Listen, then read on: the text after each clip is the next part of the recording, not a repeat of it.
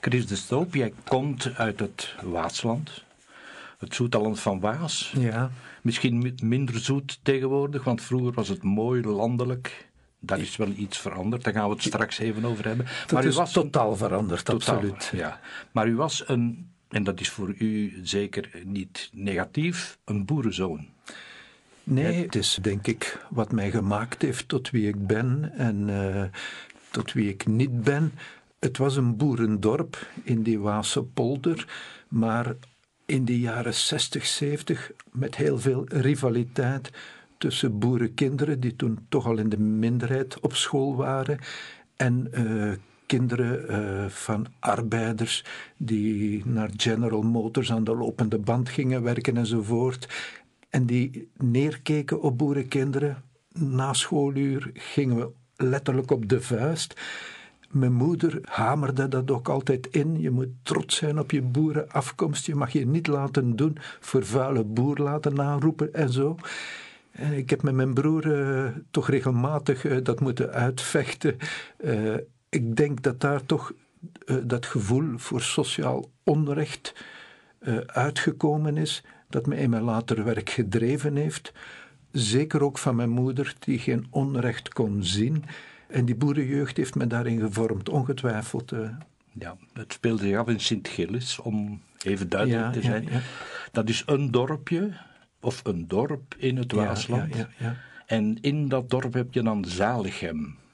Dat was een gehucht. De Zalighempolder uh, tussen Sint-Gilles en Meerdonk is een, een, streek die als een van de vroegste uh, op de linkeroever ingedijkt is door een abdij, de abdij van Zaligem, die altijd onder onze akker heeft gezeten. Eeuwen geleden, hè? Eeuwen ja, Dus in, de, in 1136 kwamen de monniken zich vestigen op een hoogte in die uh, toen moerassensstreek. En ze hebben dat geleidelijk uh, drooggelegd. Eerst voor de turf naar Antwerpen en later om als uh, landbouwgebied te ontginnen. Door zijn geschiedenis van ontpoldering, overstroming tijdens de godsdienstoorlogen tussen het noorden en het zuiden, herinpoldering enzovoort, is dat een uniek gebied uh, geworden waar landbouw en natuur echt uh, in harmonie samengaan. Zo was het toch altijd. En die nog altijd vrij ongerept is gebleven. Maar voor een boerenzoon was het uh, schitterend om daarin op te groeien. Ik was al vroeg een, een vogelaar, een ornitholoog in de dop. Ik had mijn schuilhut in het moeras en ik observeerde dieren en vogels. En ik werd natuurlijk ingeschakeld op het landbouwbedrijf om na school en in de vakantie zoveel mogelijk te helpen.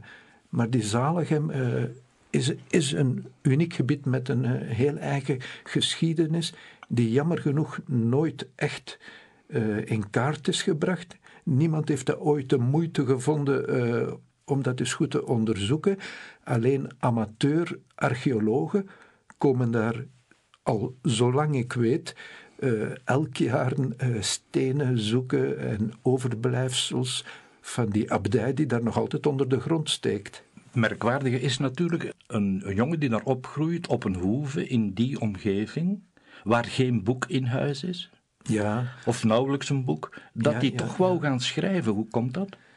Ja, dat is inderdaad iets dat mij ook bevreemd heeft. En uh, ik denk dat het uiteindelijk uh, komt door goede leraars al vanaf het lager onderwijs, die mij stimuleerden. Uh, er werden inderdaad, toen ik klein was, geen, boeken gelezen op de boerderij. Dat lag niet uh, in de traditie. Uh, het enige literaire aspect in de familie was dat mijn ouders in hetzelfde dorp in de Vlaamse Ardennen zijn opgegroeid als de familie van Stijn Streuvels en dat ze daar altijd geweldig naar opkeken en met enorme bewondering over spraken. Maar blijkbaar was ik op de lagere school om een of andere reden goed in mijn opstellen en uh, in de rapporten die ik nu teruggevonden heb op zolder op de boerderij, uh, staat op het einde van mijn lagere schooltijd heel expliciet: uh, is goed voor werken in de vrije natuur en letterkundig werk, maar niet voor rekenen, muziek en administratief werk. En dat klopt, uh, dat hebben ze heel goed gezien, dat klopt nog altijd. En dan op de middelbare school uh, is dat verder gestimuleerd, onder meer door onze leraar Nederlands, uh, de toenmalig beroemde Vlaamse dichter uh, Anton van Wilderode. Priester, priesterdichter. Ja. Priesterdichter, ik zeg soms voor de grap, dit was een priester die nog zonder bijbedoelingen kon zeggen: Kom eens naar mijn kamer, jongen. Want dat heb ik vaak gedaan. Hij stimuleerde de liefde voor literatuur in die jongetjes, want het was toen nog een uitsluitend uh, jongensgebeuren, uh, het college in Sint-Niklaas. Uh, Tom Lanois zat in mijn klas en zal ook altijd met enorm veel liefde over Anton van Wilderode spreken. Ook al was die ideologisch met dingen bezig, met name het flamingantisme. Hij was de man die op elke ijzerbedevaart niet alleen de mis deed, maar ook de speech hield. Dus dat waren toch dingen waar we minder voeling mee hadden. Maar die liefde voor literatuur, dat natuurlijk wel. Hij nodigde mij uit in zijn kamer op het college, maar ook in het weekend op zijn boerderijtje in Moerbeke dat nu een prachtig museum is. Hij gaf me de hele Guido Gezellen mee uh, op dat flinterdunne uh, papier, waarvan ik bang was uh, om het op de boerderij open te doen. Ik dacht, als ik, als ik het maar niet op de mestop laat vallen. Maar dergelijke leraars, zowel dus blijkbaar op de lagere school als op de middelbare school, die hebben mij al heel vroeg gesterkt in de overtuiging dat ik schrijver wilde worden. En vanaf mijn 14, 15 jaar was ik eigenlijk met niets anders meer bezig. Ik zat op mijn opkamer op de boerderij, de Fouten noemden we die. Klein kamertje waar ik samen met mijn broer uh, sliep. Waar ik dan een klein uh, gaskacheltje had, want het was daar bitter koud. De opkamer, dat is boven de kelder. Uh, dat opstijgend vocht zorgt de hele winter voor ijsbloemen uh, op het raam. Maar ik zat dag en nacht te tikken op een Olympia tikmachine die ik gekocht had met het geld dat ik als misdienaar verdiende. We kregen geen zakgeld op de boerderij, integendeel. Als we al iets, iets verdienden, dan moesten we het afgeven. Maar die tikmachine heb ik mogen kopen, heb ik nog altijd in mijn bureau staan. En ik was echt bezeten van het schrijven. Ik heb mijn eerste uh, stukken geschreven in onder andere Het Volk, onze krant die bij ons aan huis kwam. Maar ook in het blad van het college, De Vijfhoek, dat we hadden opgericht. Samen met Tom Lanois. Hè? Ja, dat was een scholierenblad. Ik was een van de oprichters en ik had onder meer een poëzierubriek, Amaryllis, waarin ik Tom zijn eerste gedichten heb gepubliceerd onder het, toen het pseudoniem Tol. Dus uh, T, een kleine O en dan een grote L, Tom Lanois. En ik schreef boekjes voor een uitgeverij in Antwerpen, De Sikkel. Alleen maar omdat mij toevallig ter oren was gekomen dat zij uh, er naar zochten. Ik schreef eigenlijk voor iedereen die uh, teksten kon gebruiken. Uh, er zijn vier boekjes uitgegeven toen bij de Sikkel. Mijn vader moest de contracten ondertekenen, want ik was uh, 15, 16 jaar. En ik kreeg elk jaar een paar duizend frank eh, copyrights van die boekjes. Dus ik was gelanceerd. Ik wilde alleen maar één ding, dat was schrijver worden. Ja. Je hebt eigenlijk bij manier van spreken Tom Lanois voor het eerst weliswaar niet uitgegeven, maar toch gepubliceerd. Zeker, zeker gepubliceerd. Uh, in die rubriek poëzie, maar ook uh, al polemische stukken dat hij schreef. Ik heb hem de hele collectie uh, van de Vijfhoek, die ik altijd bewaard had, enkele jaren geleden cadeau gedaan. En hij was er zeer blij mee. Hij heeft nu wel net voor zijn 60 jaar een, uh, een feestbundel uitgegeven. En het uh, ontgoochelde me dat hij pas begon met zijn studententijd in Gent. En niet met die collegetijd en dat scholierentijdschrift dat we toen hadden. Na de middelbare school, het college, is hij naar Gent Germaanse gaan studeren en ik in Leuven. Ja, Tom Lanois is een beetje nog altijd, misschien toen ook, een, een showman zo. Hè? Ja, zeker, zeker. Dat kun, je dat waarderen? kun je dat waarderen? Ja, absoluut. Uh, de literatuur is een huis met veel kamers en gelukkig zijn er extraverte naturen, zoals Tom Lanois, die dus al in zijn studententijd gekozen heeft voor uh, optredens. Uh, dat zat er ook in zijn, college, in zijn collegejaren al in. Dat heeft hij ongetwijfeld van zijn moeder, die uh, dus een echte actrice was. En dat denk ik, dat toneeltalent is, is altijd zijn belangrijkste talent gebleven. Ook al schrijft hij poëzie of romans, dat theatrale zit er altijd heel sterk in. Maar dus hij koos consequent na zijn studies om van literatuur te leven in die jaren met uh, optredens, met cabaret, waar ik uh, een paar keer na, naar gaan kijken ben met veel bewondering. Ik ben een andere weg uitgegaan, ook om de broden ongetwijfeld. Het waren barre jaren, midden jaren tachtig. Het was zeer moeilijk om, uh, om werk te vinden. En er stond toevallig een vacature in de krant voor KNAK, waar een redacteur gezocht werd. Ik schreef me in. Ik schreef me ook voor andere dingen in. Haverboden heb ik ja. De uitgeverij. Ja, zo, zo toevallig uh, loopt het leven soms. Uh, want ik had zeker niet een roeping om journalist te worden. Dat zat echt niet in, in mij als, als jongetje. Ik wilde met literatuur bezig zijn, met schrijven. Averbode zocht ook een redacteur. En wat gebeurde er na die hele lange uh, selectieronde uh, bij Knak? Er waren 700 inschrijvingen. Uh, kom ik daar toch wel uit en kan ik beginnen? een week later krijg ik een brief van Averbode, nonkel Fons, die toen te oud werd en die ermee stopte. En, man van Zonneland, hè, Zonnekind en dat. Zeker, zeker. Al die uh, bladen die uh, in onze kinderjaren nog heel populair waren. Ik, ik, vraag me af wat er nu van geworden is. Maar in elk geval, ik kon daar beginnen.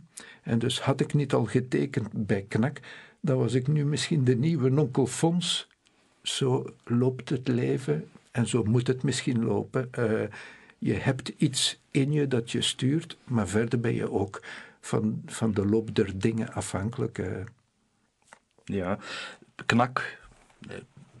Velen zijn geroepen, weinigen uitverkoren om daar te gaan werken, 700 kandidaten. Jij moest op een bepaald moment voor een soort triumviraat komen. Ja. Frans Verleijen, de, hoofd, de bekende legendarische hoofdredacteur, ja, ondertussen al een tijd overleden. Hubert van Humbeek, de adjunct. Hendrik de Nolf, de uitgever, de man die gestart was. Met... en tot mijn verbazing las ik ergens dat jij een aantal begrippen moest duiden, uitleggen, en dat dat eigenlijk niet lukte. En toch werd je aangenomen, bingo. Ja, dat is uh, grappig. Uh, ik denk, uh, was uh, altijd op zoek naar eigenzinnige figuren uh, die vooral een eigen ding zouden doen, die niet zoals nu in de journalistiek gebruikelijk is, zaten te wachten op instructies van een hoofdredacteur om naar hier of naar daar te gaan, of die in een bepaalde format zouden moeten schrijven. En ik kende inderdaad weinig of niks van die steekwoorden die vooral uit de wereld van de politiek, nationaal en internationaal, kwamen. Uh, maar dat belette hem niet om uh, mij aan te werven. Uh, we moesten natuurlijk ook tekstjes schrijven. En waarschijnlijk heeft dat de doorslag gegeven. die teksten die ik daar schreef in dat toen fantastische redactiegebouw op, op de Tervurenlaan. Zo'n oude ambassade die door die kleine ploeg van Knak helemaal werd ingenomen. En uh, ik kon meteen beginnen, omdat er een gat was gevallen. Uh, Johan Antires en zijn broer Karel, die waren begonnen met De Zwijger, uh, een nieuw satirisch blad toen. Er waren er nog een paar meegegaan. En dus ik kom meteen aan het bureau van Antires aan de slag. Niet dat je meteen onder veel stress moest gaan produceren. Ik heb dat wel gedaan, maar je kreeg toch een inloopperiode. Je, je, begon in een zetel aan het handje van Verleij. Je, je mocht mee naar hier en naar daar. En dat heeft me toch de goede start gegeven. Wat tegenwoordig in de journalistiek uh, in die hectische uh, wereld bijna uitgesloten is. Ja, het waren de gouden jaren van, van de pers. Ja, dus uh, een blad als knak groeide, groeide, groeide. Ik denk de hele geschreven pers uh, groeide. Het waren de jaren van de ontzuiling. En dat zorgde voor een, een, een, frisse wind in de journalistiek. En uh, Knak uh, teerde daarop, Humo teerde daarop. En de budgetten waren groot. De, de, de, Knak barstte van de reclame. Dus min, minstens de helft van het blad, dat toen misschien 250 pagina's dik was. De, dat waren allemaal grote reclames. Voor, dure, dure reclames. Ook. Dure reclames voor de, de grote automerken, banken, computers die toen opkwamen enzovoort. Dat heb ik meegemaakt en dat gaf ook de redacteurs veel ruimte, veel tijd, veel vrijheid. En dat had ik nodig om mijn eigen ding te doen. Frans Verleijen, om maar even op terug te komen, zus zoals men hem ook wel noemde, was echt een mentor voor jou.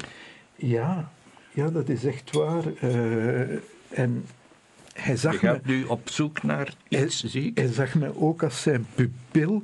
En ik heb dat uh, al heel mijn leven in mijn uh, portemonnee bewaard. Een kaartje dat Verleijen in dat eerste jaar schreef. Het is helemaal versleten, zoals je, ziet. Hier, je hebt het hier genomen. Ja, ik heb uh, dus in dat eerste jaar een reportage gemaakt over Jean-Marie Le Pen. Toen nog helemaal niet bekend. Maar die kwam in het zwembad van Schaarbeek een uh, toespraak houden. Er waren kleine relletjes. Uh, Front National, hè? Het begin van het Front National. Migranten die mobiliseerden daartegen. En, en daar maakte ik een reportage over, over dat uh, opkomende extreemrechtse gedachtegoed. En dan schreef Verleijen meteen op zijn visitekaartje: Beste Chris, nog eens formeel gefeliciteerd met uw Le Pen-reportage. Dit is compleet voldragen journalistiek werk, gebaseerd op kennis en op liefde voor waarheid. Ik hoop dat je liefst bij knak alles wat je bezighoudt zult kunnen valoriseren. Dat is, uh, ik heb dat zelden gehoord van jonge redacteurs de laatste jaren, dat ze nog zo. Uh, zo'n feedback krijgen, zo aangemoedigd worden. Maar hij deed dat en, eh, en dat was uh, goud waard, want Verleijen was uh, een monument in de journalistiek. Niet alleen om zijn prachtige taal, die, die hele barokke taal, die voorwoorden van hem waren parels, heel, heel goed geschreven, maar, ook door zijn heel brede visie. dus zeker niet uitsluitend politiek, uh, maar ook heel uh, maatschappelijk, heel cultureel, heel internationaal. En ik kon dat allemaal aan elkaar koppelen. Onder meer dankzij een olifantengeheugen, waar ik altijd uh, jaloers op ben geweest, want ik ben met een slecht geheugen ter wereld gekomen en het is helaas nu nog aan het slechter worden. Maar in de journalistiek is dat uh, goud waard. Uh, kon elke vergadering, en die redactievergaderingen toen dat waren heroïsche vergaderingen, uh, die begonnen om tien uur en die liepen uit tot bij de Joegoslaaf, het restaurant achter de redactiegebouwen in, in Brussel, tot, tot echt een stuk in de namiddag. iedereen was licht tot zwaar bedronken op het einde. Maar Verleijen domineerde die vergaderingen op basis van zijn geheugen. Hij kon alles terugroepen, decennia teruggaand, eeuwen teruggaand, want hij had een enorm cultureel, historisch bagage in zijn hoofd. En eigenlijk de enige die eh, gewapend was om met Verleijen in debat te gaan, dat was toen Johan Struijen, ook een schitterende reporter, die enkele jaren later in tamelijk dramatische omstandigheden Knak heeft moeten verlaten. En de jonge Mark Reinebo. Die was er al een paar jaar voor mij gekomen, is een paar jaar ouder dan ik.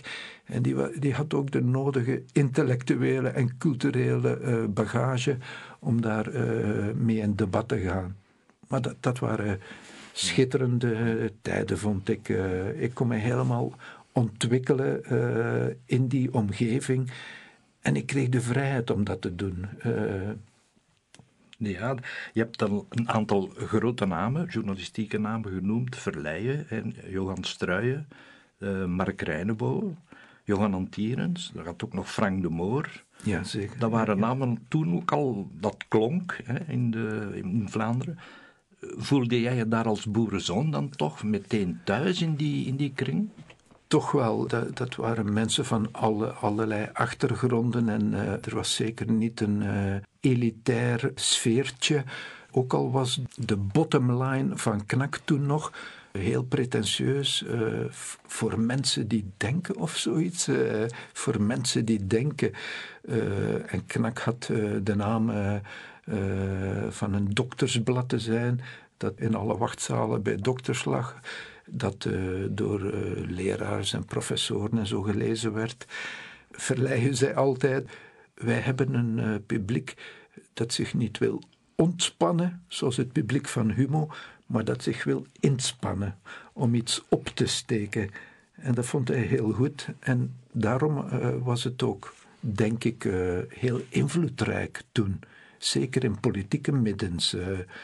maar nee, ik voelde me daar zeker niet minderwaardig of achtergesteld. Ik had het gevoel dat ik iets kon toevoegen en dat waren mijn uh, sociaal bewogen reportages.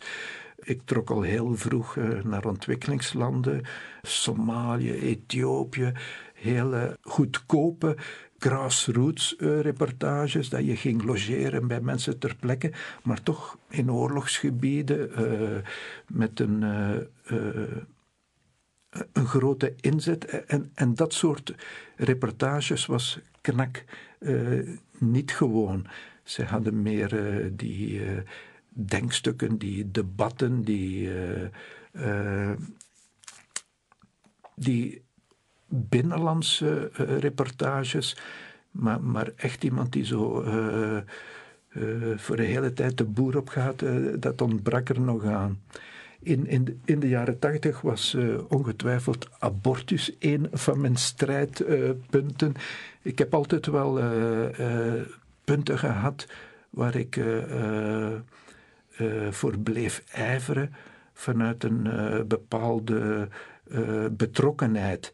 En abortus in mijn studentenjaren was alom tegenwoordig, uh, eind jaren 70, begin jaren 80.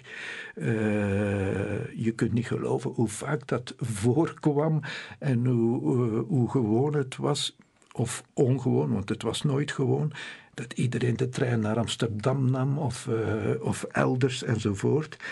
En, en die opkomende abortusbeweging met heel veel polemieken en ook uh, manifestaties. Dat was in de jaren tachtig al vroeg uh, een punt waar ik me uh, voor kon inzetten. Wat vrij vlug opviel in jouw reportage, dat was een de duidelijke sociale bewogenheid. Hè.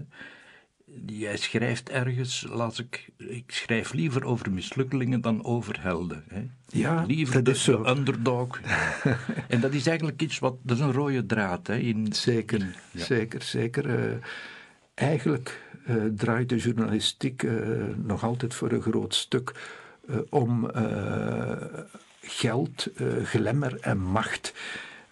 Dat was toen zo en dat is nu nog altijd zo. Dat, het grootste deel van de journalistieke bijdrage draait daar rond.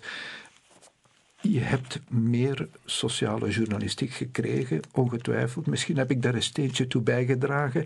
Maar in de jaren 80 werd daar nog een beetje op neergekeken. Dat noemde men eh, de, de, de, de zachte sector. Dat was voor softe mensen. Terwijl God weet, het is de hardste sector die er bestaat. Uh, en ik probeerde ook op een harde journalistieke manier uh, dat aan te kaarten. En dat was misschien nieuw. Uh, en daarmee bleek ook dat je dan echt zo'n onderwerp op de agenda kon zetten. En dat heeft toch ertoe bijgedragen, denk ik, dat uh, uiteindelijk de meeste media uh, daar ook gespecialiseerde redacteurs voor aangeworven hebben. En dat zeker vanaf de Dutroux-jaren, dat is in mijn ogen toch een keerpunt, dat men toen ingezien heeft uh, dat men te uitsluitend bezig was met uh, politieke, economische en andere thema's. thema's. En dat men die hele sociale sector verwaarloosd had.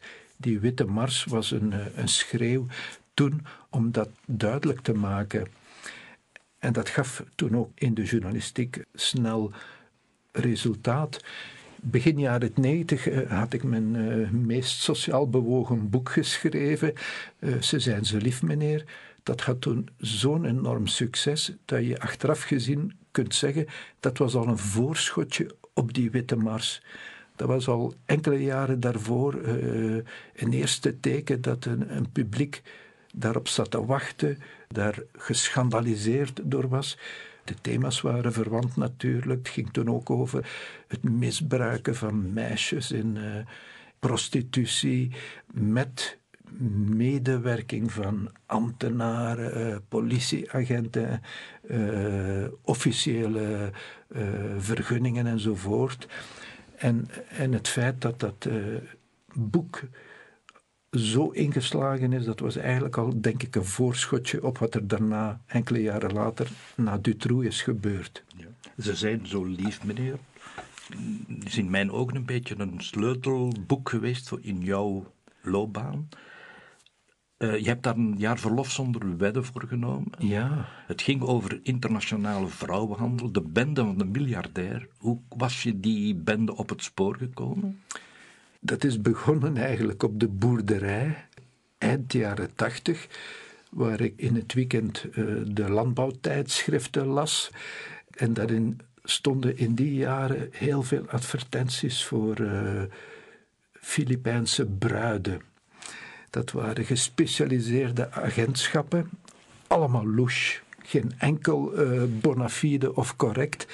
En die hadden gesnapt dat er in die landbouwwereld een enorme problematiek zat. Uh, sinds de jaren 60, 70 al. Dus dat het voor een boerenzoon bijna uitgesloten was om nog een vrouw te vinden. Zelfs boerendochters uh, die wilden niet meer met een boer trouwen. En die voerden meisjes in uit de Filipijnen, uit Thailand, daarna uit de Dominicaanse Republiek en zo. Ik vond dat natuurlijk eh, fascinerend en tamelijk schokkend. Ik schreef me in. Er kwam een, eh, een handelaar aan de deur met zo'n dikke catalogus. En ik mocht kiezen uit 300 uh, Filipijnse meisjes. Uh, met een soort garantie dat je ze kon terugsturen. ze werden binnen de drie maanden geleverd en je kon ze terugsturen als ze zouden tegenvallen. Werd dat zo gezegd? Zo worden absoluut, absoluut. Uh, de Duitse agentschappen, waar ik daarna mee verder ben gaan over informeren, uh, die waren er nog oneindig veel harder in. Dat waren echt uh, handelsgoederen en dat waren handelaars in koopwaar van vlees en bloed.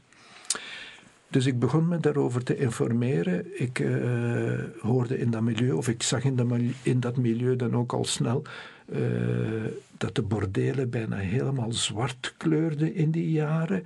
Uh, dus die, die bordelen zaten ook vol met Aziatische en Afrikaanse vrouwen. En was daar een verband met, met die zeker, zeker makelaars? Absoluut, die mensenhandelaars waren zeker verwant. Uh, sommige van die Filipijnse meisjes die voor een huwelijk waren ingevoerd, die kwamen in werkelijkheid in een bordeel terecht, in een cabaret, zoals men dat toen noemde. Want je kon toen op basis van artistieke arbeidsvergunningen als zogenaamde karakterdanseres. Tussen aanhalingstekens? Tussen aanhalingstekens altijd. Die meisjes invoeren en uh, daar zat er een ambtenaar op het ministerie, die stempelde die af zonder, enige, zonder enig onderzoek. En, en dat waren dekmantels voor prostitutie, gedwongen prostitutie. Dat, moet je erbij zeggen, dat waren slachtoffers van gedwongen prostitutie. Maar het schipperskwartier uh, was ineens dus zwart geworden tussen aanhalingstekens. En niemand had zich ooit afgevraagd hoe komt dat? Alsof die ineens uit de lucht waren komen vallen. En ik was toevallig de eerste die die vragen begon te stellen van hoe komen die hier? Wie heeft die naar hier gebracht? Met wat voor soort uh, voorwaarden, contracten, uh, vergunningen enzovoort. Heel concreet, altijd uitgaand, wat ik nu nog altijd doe, op de eerste plaats van de hoe-vraag. Hoe gebeurt iets? En als je dat mooi in kaart hebt gebracht, dan kan je daarna uh, in het debat de, de waarom-vraag aankaarten. Maar als je eerst met de waarom-vraag uh, begint, dan, uh, dan ben je soms meteen verloren in een, in een debat. En, en dat maakt het ook moeilijker voor die mensen om erover te praten. Dat heb ik gemerkt als je zo'n meisje of, of nu zo'n bootvluchteling waar ik nu over geschreven heb, vraagt, maar hoe ging dat? Vertel dan nu eens van uur tot uur. Hoe was dat? Hoe, hoe zat je daar toen? Eh, dan komt hij los, dan vertelt hij. Als je vraagt waarom, dan, uh, dan valt hij stil. Mhm. Maar op, op, op die uh, manier kon ik die problematiek in kaart brengen en uh, ik heb een eerste serie gemaakt voor Knak in 91, toen al met de bende van de miljardair, want dat bleek tijdens mijn rondgang snel dat dat de grootste bende in Europa was, die letterlijk duizenden vrouwen invoerde. Ik heb dan begin uh, 92 een tweede reeks in Knak gemaakt. Uh, nee, ik vergis mij toch wel een jaar, denk ik. Ik denk dat de eerste reeks in 90 was, de tweede reeks in 91. En dat had heel veel effect. Dat zorgde voor politieke opschudding toen al in 91. En toen dacht ik, ik heb hier uh, een wereld die ik uh, nog meer moet proberen te verkennen internationaal. Ik wilde naar al die landen toe. En uh, ik moet dat tot een boek verwerken.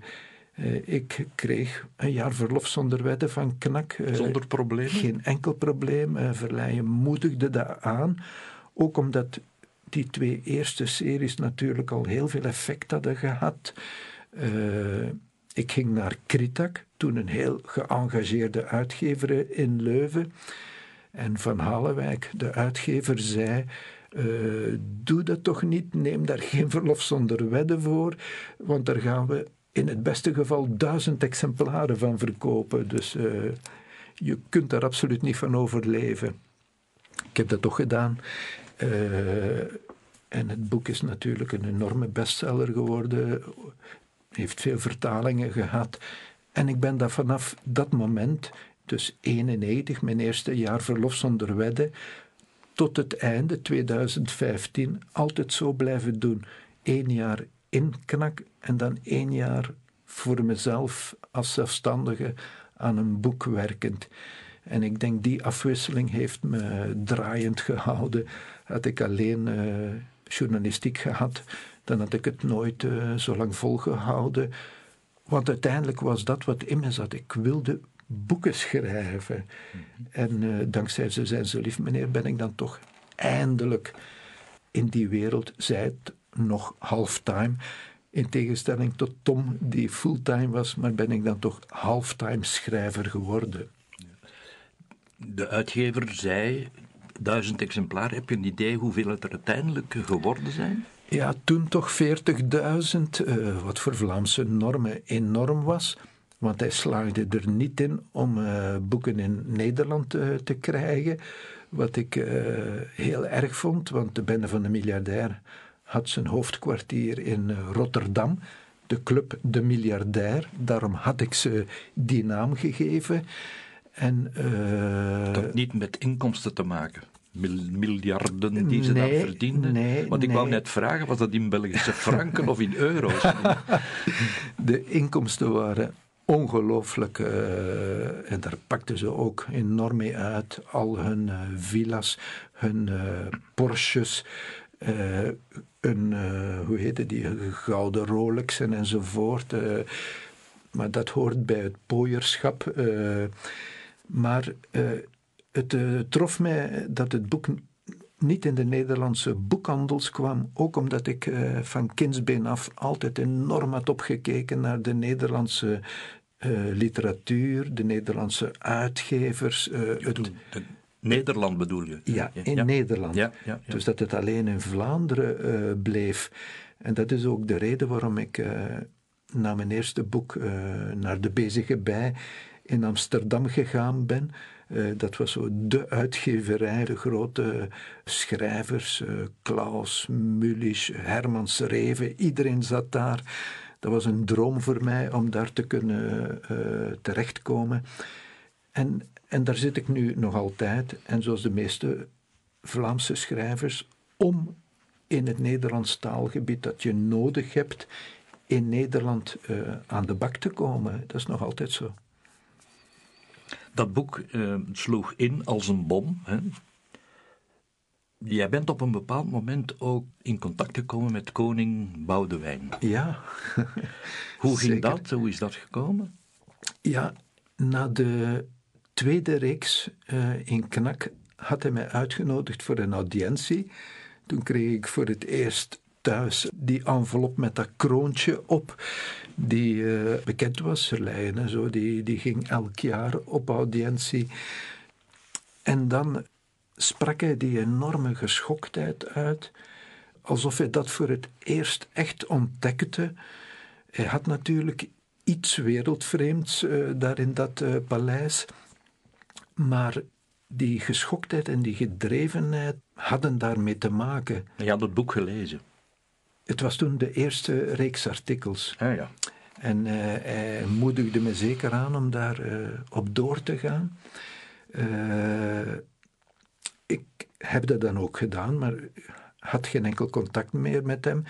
Tot het boek uitkwam een jaar later. En de tweede dag belde Johan van der Lanotte, kersvers parlementslid. En hij zegt: Ik ga er een parlementaire onderzoekscommissie over oprichten.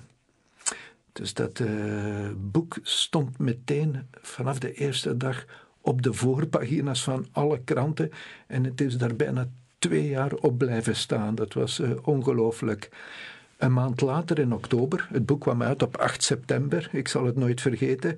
Een maand later, exact, uh, belt het Koninklijk Paleis uh, van Nipperzelen om op audiëntie te gaan. Voor de tweede keer? Voor de tweede keer. En uh, Boudewijn zegt, uh, ik wil daar iets aan doen, uh, ik wil een, een gebaar maken. je moet je niet schromen om dat te zeggen aan de pers.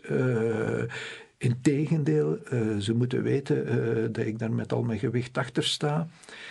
En hij heeft dan die trip georganiseerd naar Pajoke in Antwerpen. Ik ben meegegaan in de auto samen met Paula Dont en Van Nipperzelen. En eh, Pajoke, dat was een, een... Pajoke was een opvangcentrum voor prostituees, mhm. die uh, mij veel geholpen had met mijn onderzoek.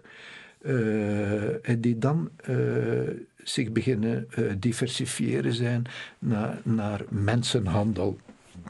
Wat in het begin ook voor hen iets nieuws was. Maar Pajoke zat toen nog echt midden in de Rosse buurt. En dat was uh, een heel uh, gedoe uh, voor een koning om daar tussen de vitrines ongemerkt binnen te stappen en dan naar het stadhuis te gaan, dat er vlakbij was. Het was iets enorms. en dat was niet georganiseerd. Het was echt dat was, incognito. Hij had zeker Belga erbij gehaald dat was zo de gewoonte, denk ik. Dus er was een, uh, een fotograaf van Belga bij. De rest wist van niets. Maar uh, ik weet niet hoe. Uh, we gingen binnen bij Pajoke en toen we buiten kwamen stonden er al televisieploegen. Dus uh, die waren al op de hoogte. Dat was heel emotioneel. hij sprak met die mensen die ik geïnterviewd had voor mijn boek. allemaal huilend uiteraard. Daarna op het stadhuis was er een vergadering belegd met echt alle politieke verantwoordelijken. Uh, de minister, uh, de gouverneur, de burgemeester, uh, maar ook de verantwoordelijke van Rijkswacht, politie, vreemdelingendienst enzovoort. Die werden allemaal de mantel uitgeveegd door Boudewijn op een zeer cassante manier. In het Nederlands? in het Nederlands, altijd in zeer vlot Nederlands. En ik zat daar een beetje als de aanstichter van al dat kwaad. Op een bepaald moment zegt Bob Kools, de burgemeester, die een beetje in zijn hoe zegt men dat, in zijn kruis getast was. En zegt, ja, maar nu krijgt, nu krijgt die schrijver toch wel veel publiciteit van u. Evenveel als in het programma van Bernard Pivot in Frankrijk.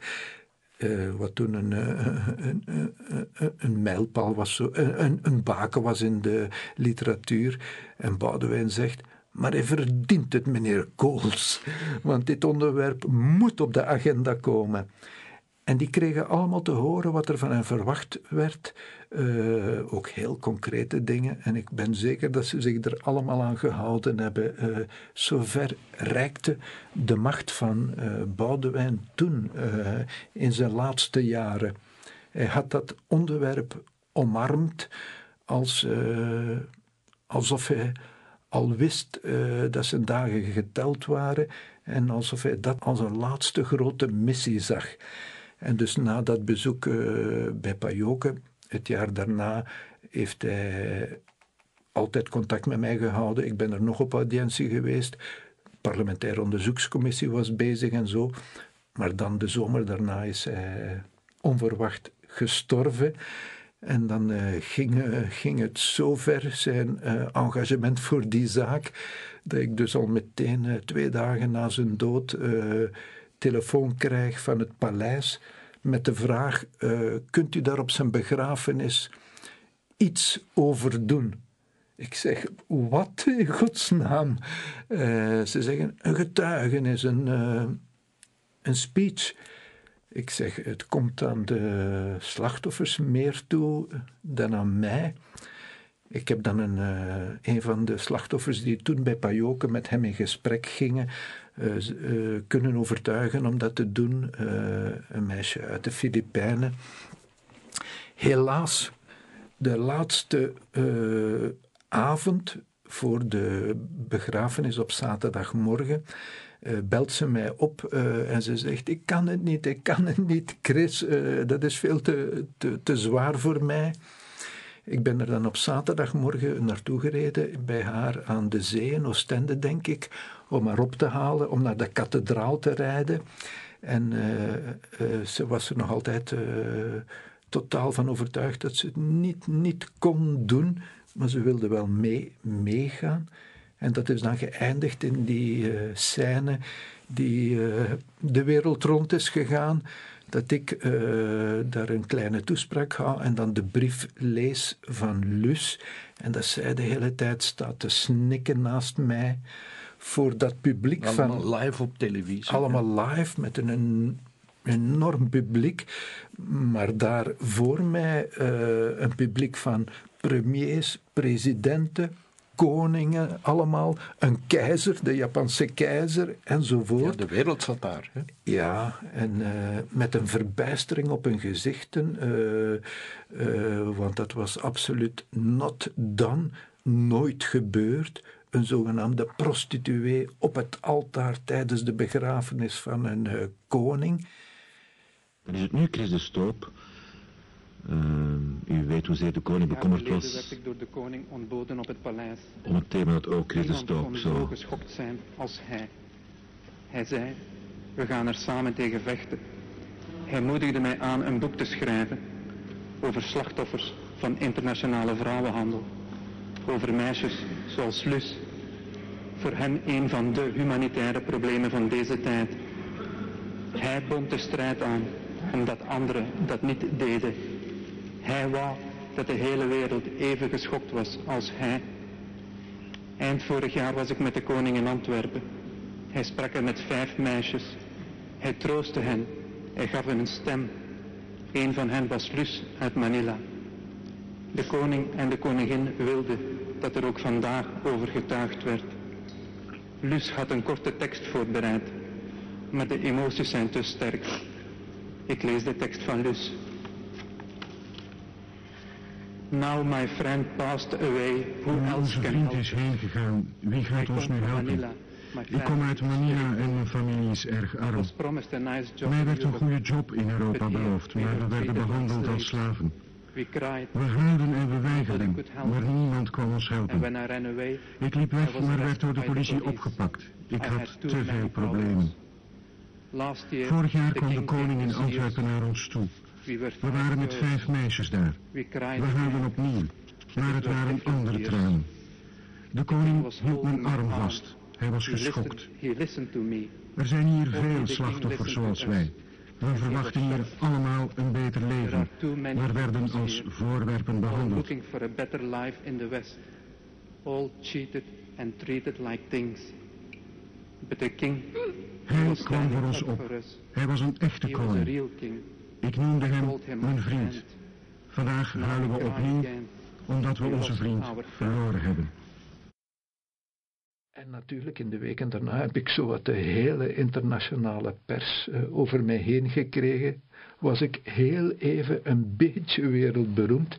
Ik moet zeggen, de internationale pers was ook voor eh, de komst van, van Boudewijn naar Pajoke en zo al eh, op het onderwerp gesprongen. Al in de eerste weken stond ik groot in Time magazine. Dat had er waarschijnlijk mee te maken dat de BBC eh, op basis van mijn onderzoek, mijn verhaal, een documentaire film had gemaakt, eh, The Women Trade. En eh, dat, was ongelooflijk goed gemaakt. Dat ging dan ook rond. Dat werd in heel veel landen uitgezonden. En dus dat internationale aspect zat er meteen aan en heeft zeker geholpen waar, waarom eh, België echt toonaangevend geworden is in deze problematiek. Eh, er is een nieuwe wet gekomen die door heel veel landen is overgenomen. En tot op de dag van vandaag speelt België daar nog altijd een, een, een voortrekkersrol in. Er zijn eh, heel wat boeken gevolgd, hè. ook met veel succes eigenlijk.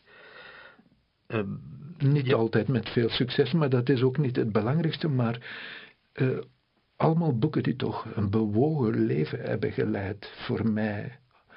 Op verschillende terreinen, maar die toch, waar altijd veel om gebeurde. je bent ook wel het gevaar niet uit de weg gegaan, naar oorlogsgebieden toe. Een Ja. paar keer ook in penibele omstandigheden gezeten. Als ik dat mag vragen, Albanië. Ja, Albanië, eh, dat was voor een eh, boek dat eh, tien jaar na ze zijn, zo lief meneer, een soort vervolg bracht. De muur was gevallen natuurlijk. Enkele jaren later begon er een enorme instroom van Oost-Europese immigranten. Heel veel vrouwen kwamen in de prostitutie terecht. En eh, er was toen de zogenaamde Albanese maffia. Eh, dat was toen een begrip als een klok in de jaren 90 en later 2000. En ik wilde die nieuwe migratie, want zo zag ik het ook. Ik zag het minder als een zaak van prostitutie dan als een zaak van immigratie. Een nieuw, een nieuw proces van immigratie dat op gang gekomen was in de jaren 90. Soms voor prostitutie, maar soms voor andere doeleinden. Maar een proces dat in mijn ogen het belangrijkste maatschappelijke proces van, van onze tijd was. En dat wilde ik eh, volgen, tot op de dag van vandaag trouwens nog.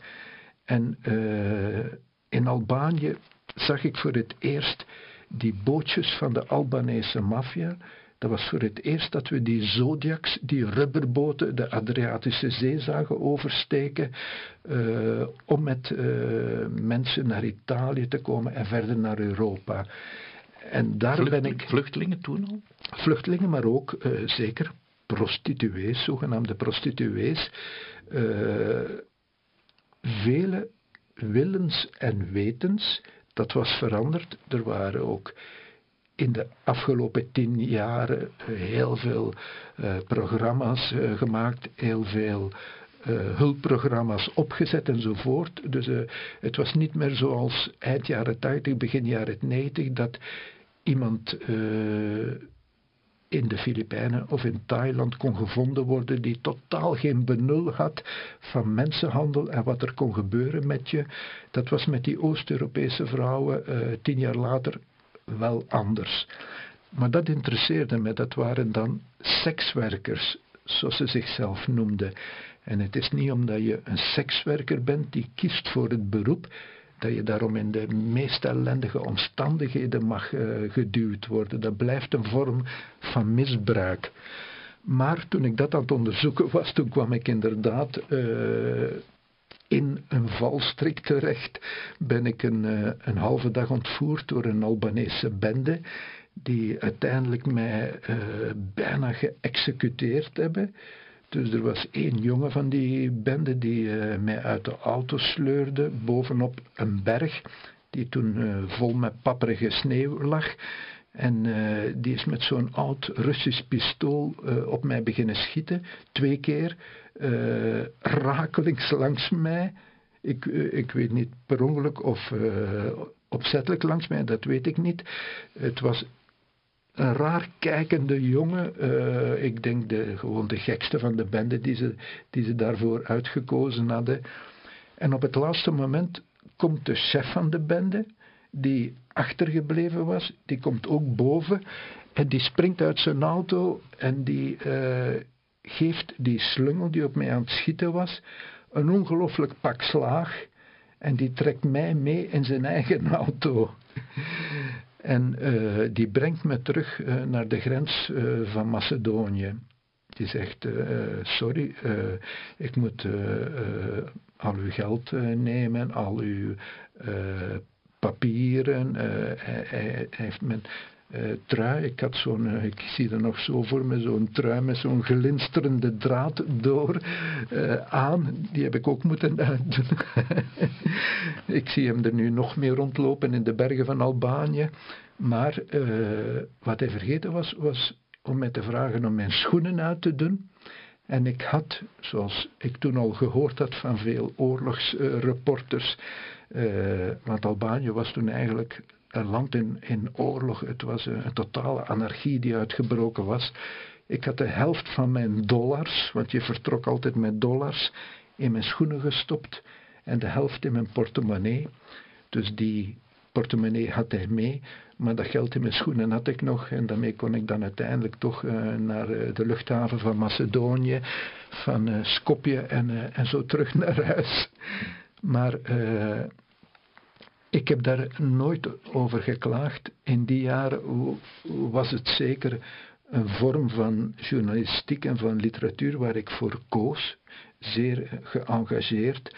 En je wist dat dat geen uh, speeltuin voor kinderen was. Dus je ging ook niet klagen achteraf als je, als je wat slaag kreeg. Maar zo, het is toch een soort keerpunt geworden. Uh, ik heb dat soort gekke risico's dan, daarna toch niet meer zo genomen. Uh, het doet heel veel met je als je enkele minuten lang er totaal van overtuigd bent dat je doodgaat. En dat was ik op dat moment. Ik was er totaal van overtuigd uh, dat ik daar nooit uit ging geraken. En dat doodsbesef en die totale doodsangst, uh, dat verandert toch veel. Ik denk, uh, de meesten beginnen aan dat soort reportages en, en ik ook. het zijn meestal mensen die niet te veel angst hebben, dat had ik ook niet maar dan ook een besef van, mij zal het niet overkomen. En als het je dan wel overkomt, dan, dan is dat ineens een, een dubbele schok. Nu, het kan ook in België blijkbaar, want ik las in, een, in een van uw boeken die fameuze man die zei van, meneer Chris, ik kan u hier in stukken snijden. Ja, inderdaad. Uh, ik heb, denk ik eigenlijk, uh, maar drie keer echt de doodsangst uh, gevoeld. dat was die eerste keer in Albanië. Echt een doodsangst die, die, die maakt dat je bijna je bewusteloos gaat, dat, dat, dat je benen daveren. Eh, nog een halve dag later, eh, want ik ben in, in meer gevaarlijke omstandigheden geweest, maar altijd denk het mij overkomt het niet. De tweede keer was in uh, Rwanda, niet toen ik daar de genocide aan het verslaan was. Gek genoeg, want ook toen heb ik zeker in, soms in een spervuur gezeten. Maar toen ik op een bootje op het Kivu-meer zat, dat echt enorm snel aan het zinken was.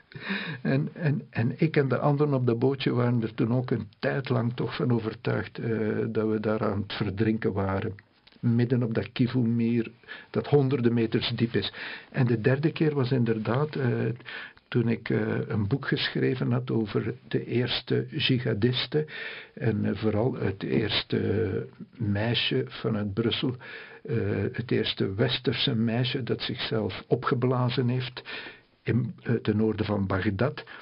En uh, ik had haar wereldje wat in kaart gebracht. Ik kende zowat iedereen. Een van haar kennissen vraagt mij naar Brussel, belt mezelf op dus. Ik had nog geen contact met hem genomen. En zegt: Ik heb veel informatie voor je, kun je afkomen? Ik ben er meteen naartoe gegaan, zo naïef was ik toen toch, ook al waren we toen al uh, in uh, uh, 2010 ongeveer, en dat was een soort pakhuis in de rand van Brussel, met loesje figuren en in het midden een tafeltje, een stoel en een blad papier. en ik moest daar gaan zitten en dan zegt hij, ik wil dat je een brief schrijft, zo een, een moslim in Jalaba, uh, die dus die Muriel waar ik over geschreven heb uh, heel goed kende. Hoe heet het boek ook alweer? Uw, uw naam zeggen Vrede, Vrede zijn met u, zuster. Ja. Dat was zo uh, de sfeer waarin Muriel leefde. Een bekeerling. Een, een autochtoon Belgisch meisje, maar bekeerd, gehuwd met een tamelijk radicale moslim en zo op dat pad terechtgekomen. Maar uh, ik zeg, wat moet ik schrijven? En hij zegt, je moet schrijven dat je nooit meer contact met ons zult nemen. En hij bedoelde hem en zijn familie, want ik had uh, wel zijdelings contact met zijn vrouw gehad, die de beste vriendin van Muriel was. En zo niet, god, hoe was het nu weer geformuleerd? Zou hij... kon niet instaan voor de gevolgen of Ja, of uh, was het in elk geval gewettigd, moreel gewettigd, uh, om mij om te brengen. Daar, daar kwam het op neer. Uh, was ik zelf verantwoordelijk voor de gevolgen voor mijn eigen leven. Zo stond het er ongeveer in. En, en ik zei, uh, het eerste kan ik zeker schrijven, want uh, als iemand zegt dat hij geen contact met mij wil, dan zal ik die nooit achtervolgen. Dat is een principe in de journalistiek. Het tweede, uh, dat komt neer op een vrijbrief geven, dat kan ik echt niet ondertekenen. En dan hebben we er nog een half uur over onderhandeld. heb ik die brief getekend met alleen het eerste deel heeft hij me nog een fruitsapje gegeven, heeft hij gezegd bedankt meneer Chris, heeft hij me naar de uitgang gebracht. Maar, dat zei je, dus in het begin had hij me zo geïntimideerd, had hij inderdaad letterlijk gezegd, uh, meneer Chris, ik kan je hier vermoorden, altijd op een hele zakelijke toon. Meneer Chris, ik kan je hier in stukken snijden en in die pakken of zakken stoppen en niemand zal je ooit vinden. Maar ik zou liever hebben dat je een brief schrijft. Zo was het begonnen. En dat zorgde er toch voor, uh, ook de blik in zijn ogen, die heel, heel, heel uh, serieus was, heel gemeend. Dit zag er echt iemand uit die tot het uiterste wilde gaan om zijn uh, doel te bereiken. die maakte dat ik een, eh, een halve dag later nog met daverende knieën zat. Dat was zeker pure doodsangst. Mhm. In elk geval, ik heb het boek geschreven. Gelukkig zat ik al aan het einde van mijn onderzoek. En ik heb ook beschreven hoe hij mij aangepakt heeft. Dus ik heb er me zeker niet door laten afschrikken, nee. Ik zou het nog even willen hebben over jouw twee laatste boeken. Dit is mijn hof, zeer mooi uitgegeven. Ja, ja. En het andere boek over de Vietnamese vluchtelingen. Eerst Dit is mijn hof, 2015. Ja. Dat gaat over de teloorgang van heel dat Waalse gebied waar we het in het begin van het interview over hadden. Ja, dat is mijn terugkeer naar mijn roots. Uh, en denk ik uh, mijn belangrijkste werk. Ik zou er graag een trilogie van maken. Ik was al in, uh, tweede, in 2000, ja, het jaar 2000, een jaar teruggekeerd naar de streek om met mijn intrek te nemen in een huis in Doel.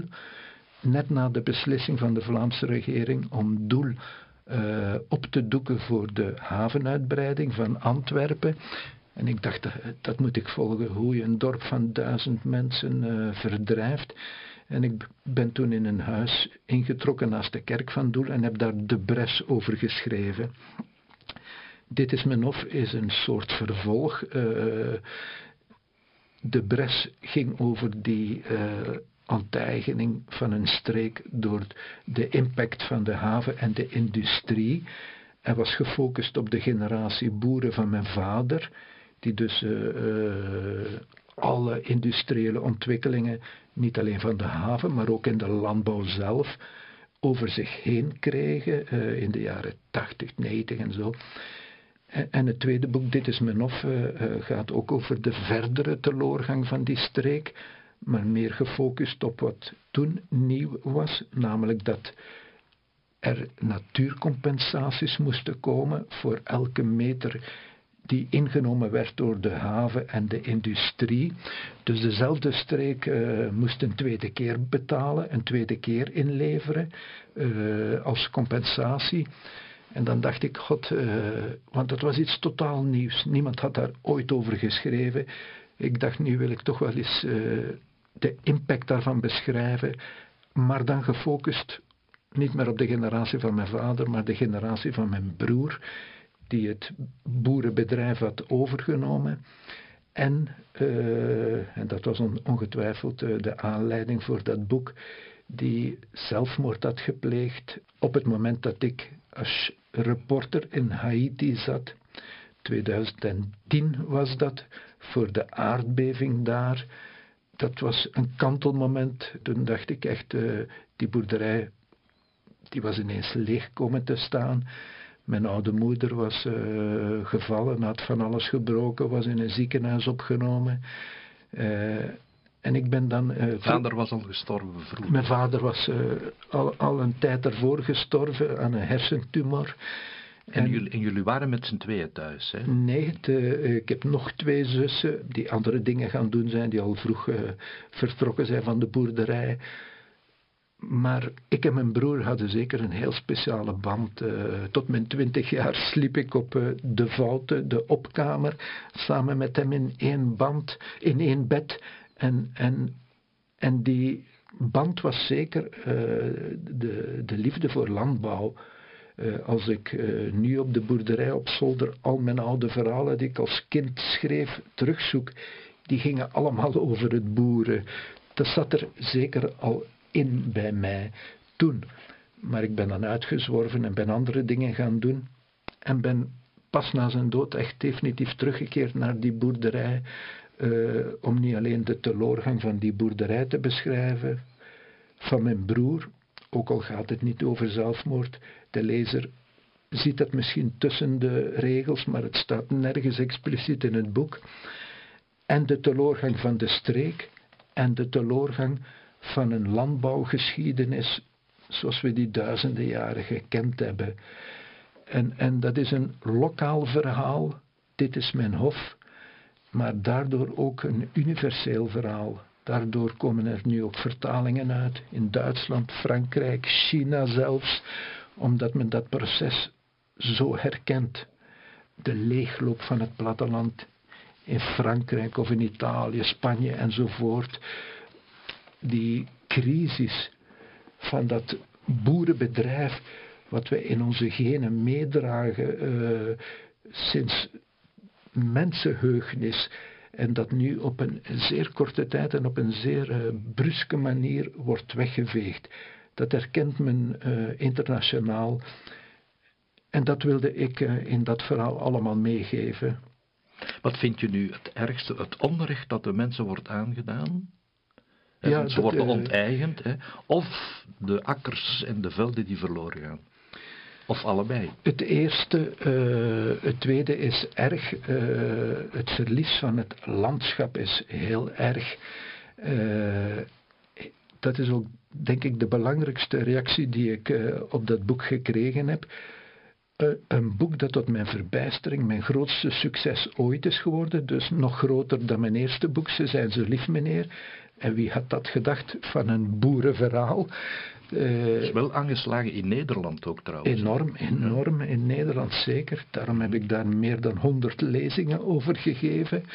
Uh, maar het verlies van het landschap, dat raakte mensen zo erg dat velen uh, mij schreven. Ik heb er honderden brieven over gekregen. En velen schreven, als ik jouw boek gelezen had en ik fietste daarna of ik reed daarna naar het werk, het was alsof ik voor het eerst terug naar het landschap keek. Alsof ik tien jaar alleen nog naar mijn computerscherm had gekeken en niet meer had gezien wat er met dat landschap allemaal gebeurt. Maar dat is dus een verlies van een belangrijk materieel erfgoed. Maar nog belangrijker uh, uit dat boek is het verlies van de band met het landschap. Dat noem ik immaterieel erfgoed die intense, uh, bijna zintuigelijke band die boeren, onder meer boeren, met het landschap hebben, ook, ook vele andere mensen natuurlijk, uh, maar ook die zijn we kwijtgeraakt. Dus we kijken nog uitsluitend door een, uh, ofwel een ecologische bril, ofwel een toeristische bril naar het landschap. Maar een landschap heeft vele lagen van betekenis. Uh, en dat heb ik in dat boek willen overbrengen. Die kijk, die moeten we weer leren. Die zijn we kwijt. Die, die zijn we op een of andere manier kwijtgespeeld. En dat, daar betalen we een prijs voor. Dat, dat speelt mee in het gevoel van ontheemd zijn, in het gevoel van vervreemd zijn, in de verzuring, in, in, in het onbehagen dat er in de samenleving zit. Daar ben ik van overtuigd. Eh. Jij gaat eh, nogal fel keer, nogal, zeer fel keer tegen de natuur, mensen van Natuurpunt. Zijn zij eigenlijk de grote boosdoeners? Ik denk dan eerder is de Vlaamse regering niet de grote verantwoordelijke voor wat daar gebeurt. Het feit Tuurlijk, uh, Tuurlijk, maar daar had ik al een boek over geschreven. Eh, dat is het, uh, het moeilijke als je een trilogie wil schrijven. Dus je kunt uh, niet in je tweede boek opnieuw schrijven over de catastrofale beslissingen van de Vlaamse regering om die hele linkeroever weg te vegen, om de hele havenuitbreiding megalomaan daar door te voeren, dorpen te onteigenen. In het begin was men van plan vijf dorpen te onteigenen. Uh, uiteindelijk is het uh, in de eerste fase blijven steken met Calo en Doel, maar, maar daarna is men verder gegaan. Maar dus voor dat tweede boek uh, lag de focus inderdaad op dat nieuwe wat er aan het gebeuren was, namelijk dat men bijna evenveel grond voor natuur zou innemen. En uh, als je dat boek alleen op zich leest, dan geef ik je gelijk, dan is het uh, een vertekening. Want natuurlijk is dat maar een gevolg van het eerste.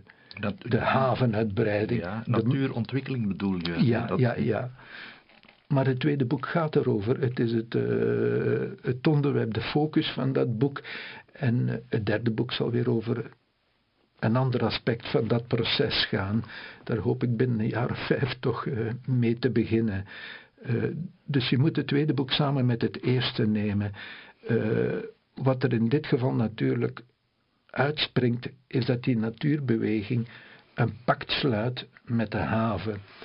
En dat op zich is heel interessant, want je ziet dat in heel Europa. Dus het samengaan van het ecologische en het economische. Op zich zou je zeggen, is er niks op tegen. Maar uh, je betaalt er een prijs voor.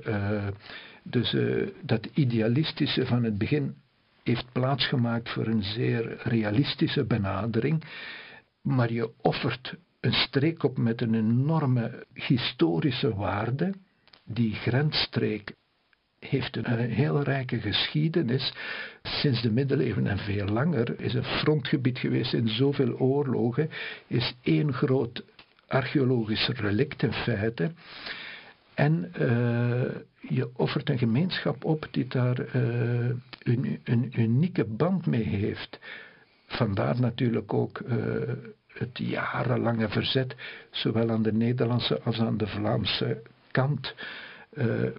En die band met zo'n landschap is uh, zelfs ecologisch bekeken even belangrijk, denk ik, als uh, de uitbreiding met 300 hectare van een natuurgebied. die, die band maakt dat mensen opkomen voor een streek. Vechten tegen bedreigingen van industrie, verkeer, autowegen enzovoort. Uh, terwijl iemand die er een meer recreatieve of, of louter op ecologie gebaseerde band mee heeft, die zal daar niet heel zijn leven, denk ik, voor strijden. Dat, dat zijn inwisselbare dingen. Dat, dat verschuift. Maar zeker uh, dat pact met de haven is een, is een perfide pact geweest waarin men zich uh, laten rollen heeft. Uh, men wint zogezegd in, in oppervlak, maar men, men verliest aan ecologische waarde door de immense vervuiling die die schepen met zich meebrengen, die die vrachtwagens met zich meebrengen, want uh, het containervervoer is ongelooflijk op de weg daar. Uh, het hele Waasland is in enkele jaren tijd compleet dichtgeslipt op alle hoofd- en zijwegen. En uh, de hele petrochemie. Nu uh, is men weer uh, Victoria aan het kraaien, omdat er weer twee nieuwe chemische fabrieken bij komen.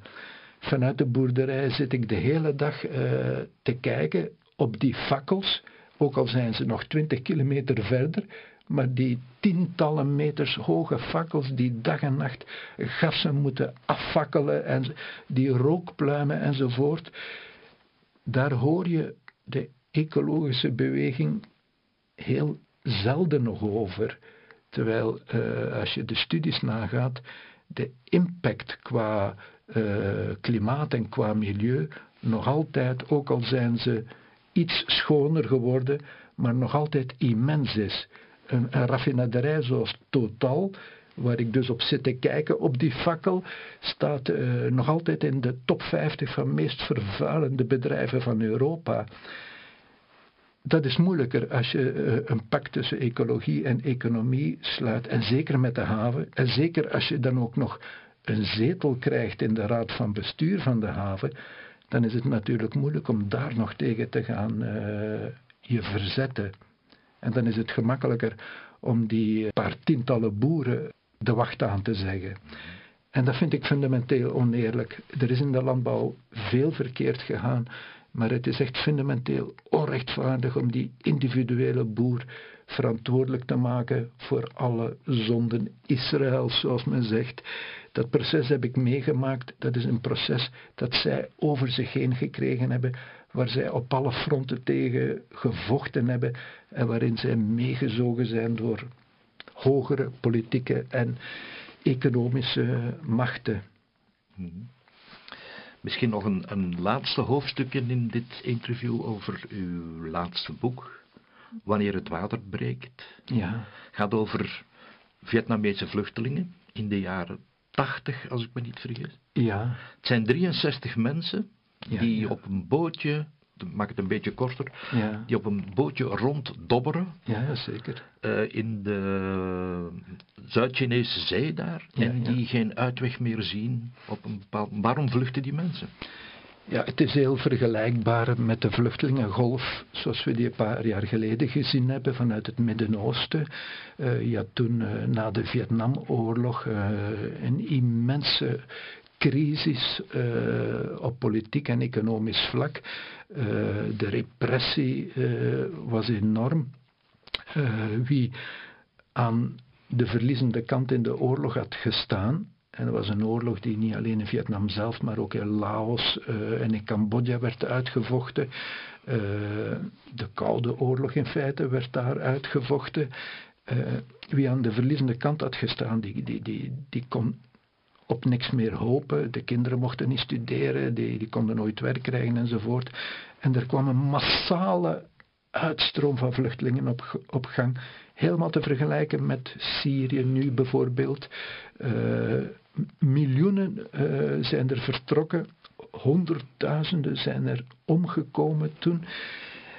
En de, dus de reden om te, om te, vertrekken waren dezelfde. Uh, de gevolgen van oorlog, repressie en uh, de ergste economische crisis sinds mensenheugnis. Als dat in elkaar haakt, dan zegt men, dan is dat, dan noemt men dat een, een een politieke storm of zoiets. Alles versterkt elkaar. Iedereen begint aan vluchten te denken. In Vietnam werd toen gezegd, als lantaarnpalen benen hadden, waren ze al weggelopen. En ik uh, vertel dat allemaal vanuit het heden, want het gaat mij natuurlijk als geëngageerd schrijver over, over het heden, uh, de vluchtelingencrisis die we nu meemaken, maar waarvan ik afstand wil nemen om een boek te schrijven, uh, afstand van dat gepolariseerde debat, afstand van dat hectische nieuws van elke dag. En dus door met die overlevenden van één Vietnamees bootje te gaan spreken en terug te keren naar Vietnam, uh, en dat allemaal in beeld te brengen in één verhaal, uh, kan ik dat overbrengen op mijn manier bij een publiek en kan je tonen uh, dat dit nog gebeurd is in het verleden zonder grote problemen. En, en uh, het Vietnamese verhaal uh, leende zich daar ideaal voor. Dat was één bootje vertrokken vanuit een vissersstadje uh, negen dagen rondgedobberd met een uh, kapotte motor. Uh, dan opgepikt door een Belgisch vrachtschip. Ze hebben ook veel boten zien voorbij komen die deden alsof ze. Absoluut, dat, dat was toen al zo. mensen redden kost tijd en tijd kost geld. Als je als cargo een dag verloor, dat, dat, waren miljoenen dat je verloor. En dus ze hadden 26 schepen al zien passeren. Uh, die hen heel duidelijk hadden opgemerkt. Zeker, soms op 100 meter. Uh, maar dan de negende dag komt dat Belgisch schip aan, die cargo uit Antwerpen. En, dat, en dan worden ze gered. En na enkele maanden in die vluchtelingenkampen komt de grootste groep naar België terecht. En dat derde luik is natuurlijk helemaal verschillend. Het eerste luik van mijn boek, want ik heb een simpele structuur aangehouden, is altijd belangrijk voor, tijdens en na. Uh, het eerste luik wat eraan vooraf gaat, waarom je vlucht, uh, hoe je zo'n bootje en een smokkelaar vindt, is exact hetzelfde. Er was ook toen al een hele smokkelindustrie. Het tweede luik, hoe zo'n reis gebeurt en wat voor een impact dat op je heeft dat is net hetzelfde. Ik beschrijf dat dus aan de hand van die ene gemeenschap die op die boot bij elkaar gekomen is en die elkaar nu nog altijd kennen. Dat moment heeft heel een leven getekend. Maar het derde luik, hoe men opgevangen wordt, hoe men terechtkomt, hoe men een nieuw leven begint, dat is helemaal verschillend. In de jaren tachtig waren er duizenden parochies en nog veel meer gezinnen die zichzelf opgaven om een Vietnamees gezin op te vangen. Alle media riepen op om uh, benefiets te organiseren. De koning, de premier, die deden alles om bootmensen, zoals men ze noemde, boatpeople, uh, te helpen. Ik schrijf, er was hulp te veel, er waren vluchtelingen te weinig. Ook al ging het toen al over miljoenen vluchtelingen. En dankzij die opvang hebben die het eigenlijk ongelooflijk goed gedaan. Dus op een paar na die uh, nooit een uh, draai hebben gevonden, die psychisch uh, ten onder zijn gegaan in feite, hebben de meesten een heel goed leven uitgebouwd, sociaal-economisch. Veel kinderen. Heel succesvol ja, zelfs. Heel, heel succesvol. Het was een boot vol kinderen. 40 van de 63 uh, opvarenden waren kinderen. Zijn er veel dokter geworden, hier, maar ook in Australië uh, een paar. Informaticus, ondernemer, vooral in de exacte wetenschappen zijn ze heel sterk geworden. Veel restaurants uiteraard, maar bijvoorbeeld twee zieltogende baby's die zo goed als dood waren op de boot. Dat zijn nu internationale topbankiers, de ene in Luxemburg, de andere in Chicago, voor de grootste banken ter wereld. En dat heeft te maken met enerzijds die hele sterke motivatie die een vluchteling heeft. Hij wil een beter leven, hij laat er alles voor achter, hij heeft er zelfs zijn leven voor over. Dat is een enorme energie. Als je die motivatie en energie goed kunt aanspreken en kanaliseren, dan is er enorm veel mogelijk. Dat toont dus dat bootje dat ik beschrijf in mijn boek. Want ik ik breng verhalen, de non-fictie, dus ik breng altijd een verhaal. Die eh, hele boodschap en zo waar ik nu over spreek, dat zit niet, niet expliciet in mijn boeken. Dat zit tussen de regels. Maar, maar die is er wel. Dus als je die positieve energie aanspreekt, is er heel veel mogelijk. Als men zich niet aanvaard voelt, dan zit je met een heel ander verhaal. En dat is het grote verschil. En dat is ook wat lezers van dat boek mij zeggen. Het was ook mijn bedoeling dat die lezer zichzelf de vraag zou stellen: zou ik in zo'n situatie ook op zo'n bootje stappen? En ten tweede, waarom zijn de normen zo veranderd sinds de jaren 80, 90 en nu? En heb ik zelf al eelt op mijn ziel gekweekt. En toch heb ik al veel uh, reacties gekregen van lezers die zeggen: ja, het heeft mij aan het denken gezet. In hoeverre ik zelf al meegegaan ben in die retoriek tegen vluchtelingen enzovoort, die we nu vaak horen. En dan is het voor mij geslaagd. Ik heb nog één vraag. De, ja. de toekomst, wat staat er te gebeuren? Ja, ik hoop uh, in een nieuw boek uh, te kunnen duiken. Ik zit nu nog in de verkennende fase.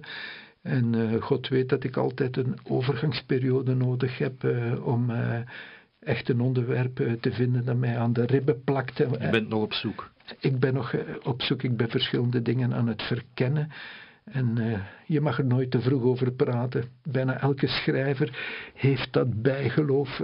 als je iets te vroeg vertelt, ga je zien dat het mislukt. Dan gaan alle deuren dichtgaan, dan komt er niks van en dan heb je dat al in alle media gelanceerd. Dus ik moet nog even afwachten, maar ik ga op hetzelfde spoor door. Je bent wel gestopt bij knakken een paar jaar geleden. Ja, eigenlijk al, al grotendeels uh, na de dood van mijn broer in 2010. Ik ben er nog wel twee korte periodes uh, teruggekomen, twee keer een half jaar of zo. En dan, en dan altijd weer vertrokken om een boek te schrijven. Dus ik ben er eigenlijk toch al een jaar of acht uit. Ik heb dat uh, gebundeld in een, in een boek Ex-Reporter. Echt om er een streep onder te trekken. Uh, om me fulltime met mijn boeken nu te kunnen bezighouden. Ja, ook, ook ingelezen bij Luisterpunt en de andere boeken trouwens ook. Hè?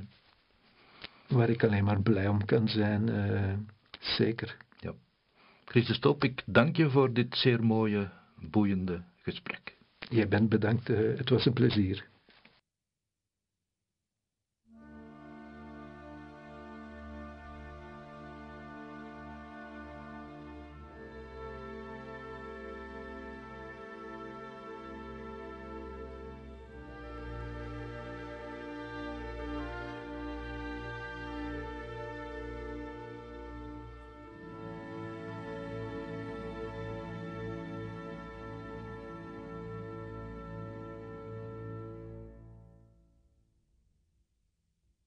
Chris de Stoop. Dit is mijn hof. Speelduur 7 uur. Boeknummer 23716. 10 braillebanden. Boeknummer 16923. Wanneer het water breekt. Speelduur 7 uur. Boeknummer 26702. 10 braillebanden. Boeknummer 17176. In onze collectie zitten nog acht andere boeken van Chris de Stoop. Ze zijn zo lief, meneer. Over vrouwenhandelaars, meisjesballetten en de bende van de miljardair. Verslag van een journalistieke speurtocht naar vrouwenhandel in België en Nederland. Speelduur 10 uur. Boeknummer 26707. Zij kwamen uit het oosten. Hij, de schrijver, werd vijf jaar geleden ontvoerd door een Albanese bende en keert terug naar de plaats van de misdaad in de vervloekte bergen. Vandaar reist hij het Albanese hoertje Gina achterna. Zij, het meisje, trekt weg na de instorting van de Albanese piramides en doolt door Europa om als sekswerker aan de kost te komen. Zij wordt overal opgejaagd, maar weigert een slachtoffer te zijn. Zij kwamen uit het oosten is een vertelling in het milieu van de sekshandel uit Oost-Europa, die de voorbije jaren een hoge vlucht nam en met veel bombarie werd bestreden. Speelduur 7 uur. Boeknummer 13565. Vrede zij met u, zuster. Het verhaal van een westerse zelfmoordterroriste. Dit is het waargebeurde verhaal van Muriel de Gauque, die van Brussel naar Bagdad reed om zichzelf op te blazen. Een bijzondere vrouw met een buitengewoon verdriet. De enige westerse vrouw die ooit een zelfmoordaanslag pleegde. Het is ook het verhaal van een groepje jonge, werkloze moslims rond Muriel, die over de heilige oorlog spreken alsof het voetbal is. Chris de Stoop sprak met betrokkenen, bestudeerde de dossiers en reisde Muriel achterna tot in Bagdad, waar hij het wrak van de bomauto vond en het einde van haar verhaal optekende. Speelduur 10 uur, boeknummer 17882. Ex-reporter. Spraakmakende reportages. Kritische beschouwing over recente ontwikkelingen in de journalistiek, gevolgd door 30 van zijn beste reportages. Speelduur 12 uur, boeknummer 24.776. 13 braillebanden, boeknummer 16.906. De Bres. De auteur keert terug naar het Waasland, dicht bij de grens met Nederland, waar hij opgroeide, en constateert dat daarin vele bressen zijn geslagen door de industrialisering. Speelduur 9 uur, boeknummer 11.226. Moedermoord. Een vertelling.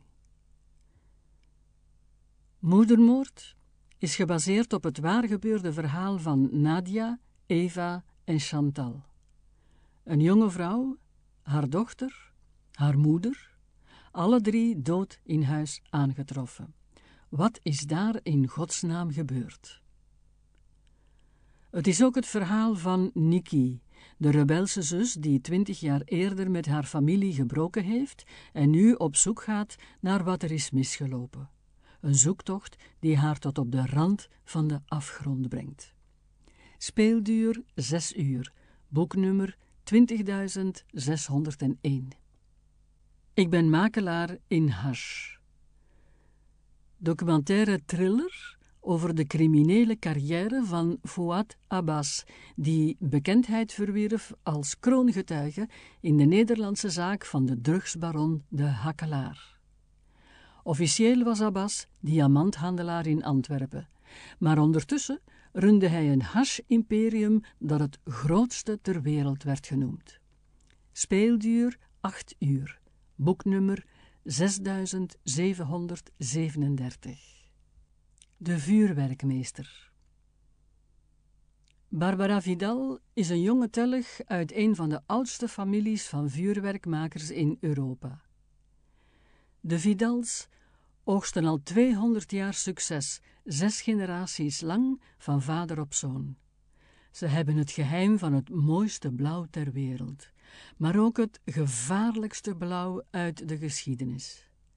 De vuurwerkmeester is een verhaal van verlies en vervreemding en tegelijk een aangrijpend portret van een eigenzinnige vrouw die worstelt met traditie en vooruitgang, trouw en verraad, onrust en onbehagen.